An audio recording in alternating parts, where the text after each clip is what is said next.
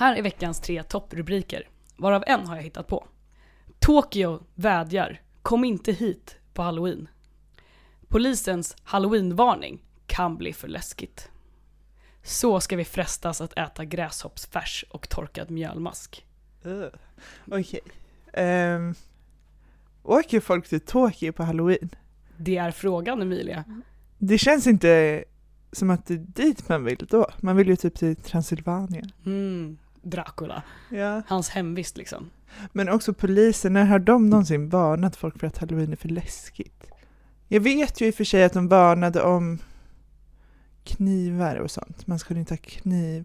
På halloween. Man ska inte Ja. ha kniv generellt. Nej. Men Mjölmaskar, alltså folk, eh, det här har vi haft ett avsnitt om innan, folk äter ju eh, det nya proteinet. Där, jag tror absolut att den är sann. Mm. Men eh, jag tror kanske inte att polisen har gått ut och varnat. Eh, Tokyo, fast Tokyo. Nej, men jag tror inte att polisen har gått ut och varnat. det är korrekt, My Kind Sir. Mm, De har eh, varnat om att det kan bli för farligt. Det är det de varnar för. mm, Och precis som du säger, de varnade för att man inte skulle gå runt med vapenliknande föremål. För det kan bli väldigt farligt. Speciellt i dessa tider då riktiga vapen finns och saker.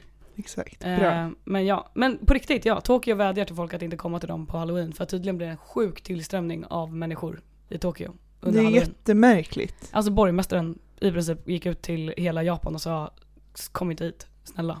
Vad ska man dit göra på halloween? Men jag antar att folk festar fett mycket i Tokyo. Alltså jag tror inte det är en internationell vädjan, eller det kanske det var. Men det måste ju vara en av de minst läskiga städerna. Men jag tror att På de, men de jorden. har ju skitmycket cosplay och grejer. Jag känner att folk liksom bara go all out. Men de är ju jättecute.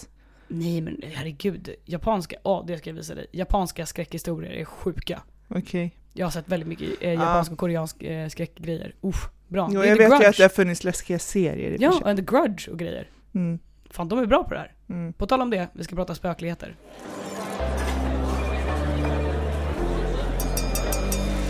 Då var det dags för AV med LT. Med oss, Emilia och Isabel. Helgen som var så hade vi halloween. Japp, whoop whoop. Eller ja, det var ju typ i veckan.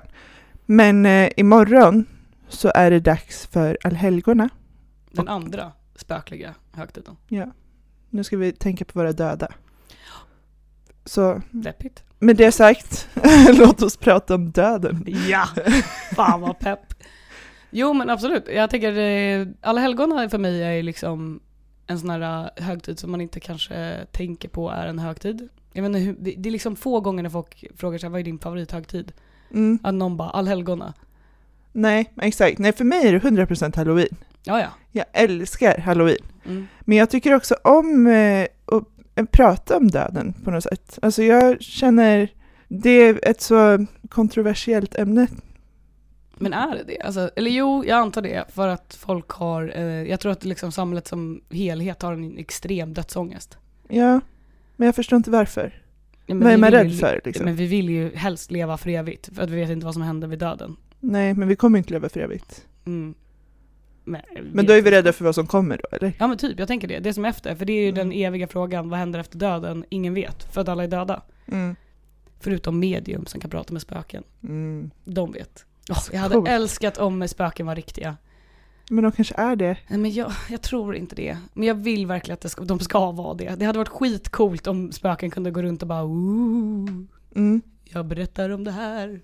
Fast de är också eh, så baserat på filmerna, det är inte dokumentärer man har sett om spöken, men alla Nej. filmer med spöken så är spöken ganska ostyrsliga. De är ingen bra info liksom. De sätter sig inte ner med liksom en powerpoint och berättar så här är efterlivet och så här funkar det. Men de är ju här för att de har en anledning, Mm. eller hur? Ja det är ju det som är teorin när de Mm. kommer fram. Mm. Men ja, nej men jag tycker att, eh, typ, förlåt jag spårar ut med spöken, jag älskar spöken.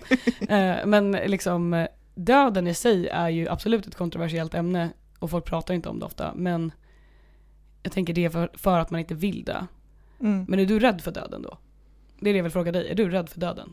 Nej, jag tror inte att jag är rädd för döden. Eh, jag kan ibland känna att, alltså så här, jag kan vara rädd för hur jag ska dö.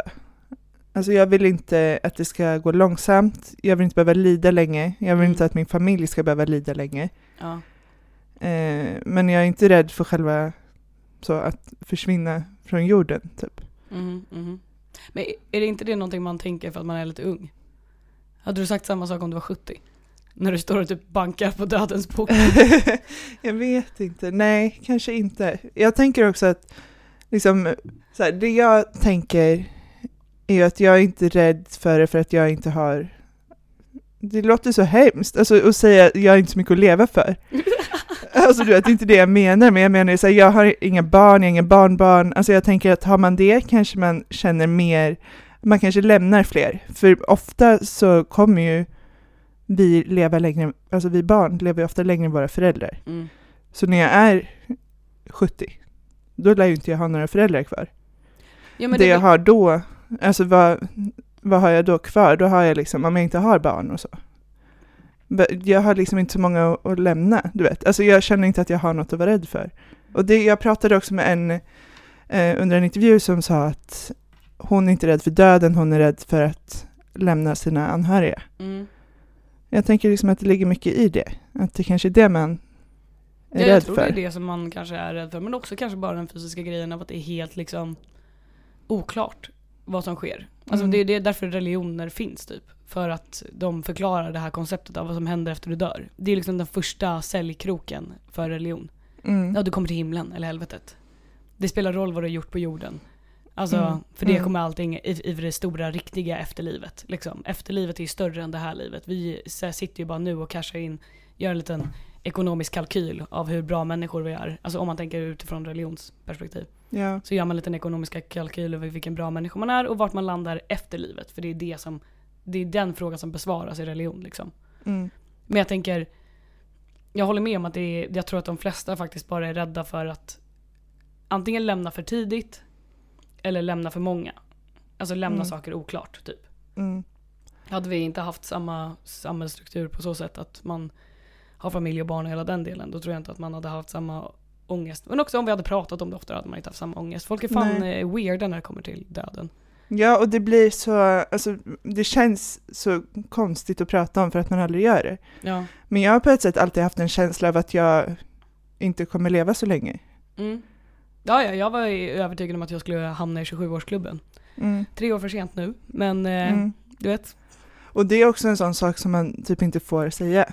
Ja, Att, ja, jag vet inte, men jag har diabetes och det vet jag statistiskt sett kommer göra att jag får ett kortare liv. mm. Sen kommer jag fortfarande säkert bli 60 plus, men liksom, jag kommer inte bli 100.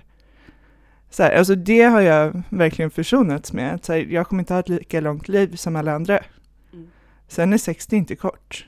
Men jag vet inte, jag har alltid tänkt att jag kommer ha ett genomsnitt kortare liv Mm. än de flesta andra här. Eh, och det är inte jag rädd för.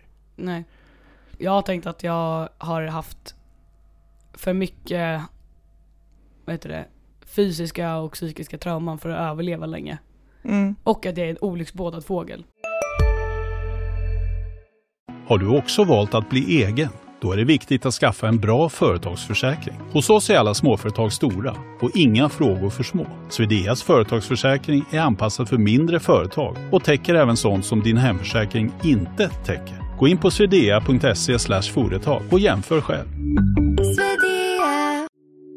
Hej, Ulf Kristersson här. På många sätt är det en mörk tid vi lever i. Men nu tar vi ett stort steg för att göra Sverige till en tryggare och säkrare plats. Sverige är nu medlem i Nato. En för alla, alla för en. På en nivå av att jag tror att det är nästan som att universum bara ah, hon är en slippery motherfucker. Ja. We should try to kill her qu- quicker typ. Mm. Alltså den grejen. Mm. Så det känns som att det också är en sån grej. Men är du, okej, men du är inte rädd för att dö. Men jag, och jag håller med dig där om att jag tror att det som skrämmer mig med döden är nog inte själva döden, utan sjukdom. Mm. Jag tror att det jag är rädd för är att ha ont Ja. och sen dö. ja, Det är det. Jag vill inte dö i smärta, typ. nej, och typ lämna sin familj då med att de ska behöva ta hand om en länge. Eller Ja, alltså så här, att Den man här ska bli... ovärdigheten liksom, Ja. i att kunna bara, för, eller folk som, för att jag har en familj som har ett gediget, eh, en gedigen stamtavla av cancer. Mm. Där folk har dött. Och det är väl det liksom, den, cancerdöden tror jag är den värsta i mitt huvud, men det är ju den jag har mest erfarenhet av. Men den Ja. är liksom så ovärdig, man förtvinar, Mm. man måste förlita sig på människor runt om på ett sätt som man inte har något val i. och sen dör man i smärta. Ja. Den grejen liksom. Så att jag hade hellre dött i en flygplansolycka. Mm.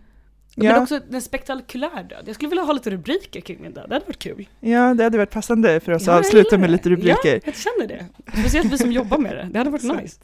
Ja. Men hur hade du, okej men hur hade, om du måste välja hur du ska dö. Ja. Nej men alltså för då, nu när vi pratar om så, skapa rubriker, alltså egentligen hade jag ju helst bara velat dö i sömnen. Alltså så här bara smyga ut ur livet typ. Fegis.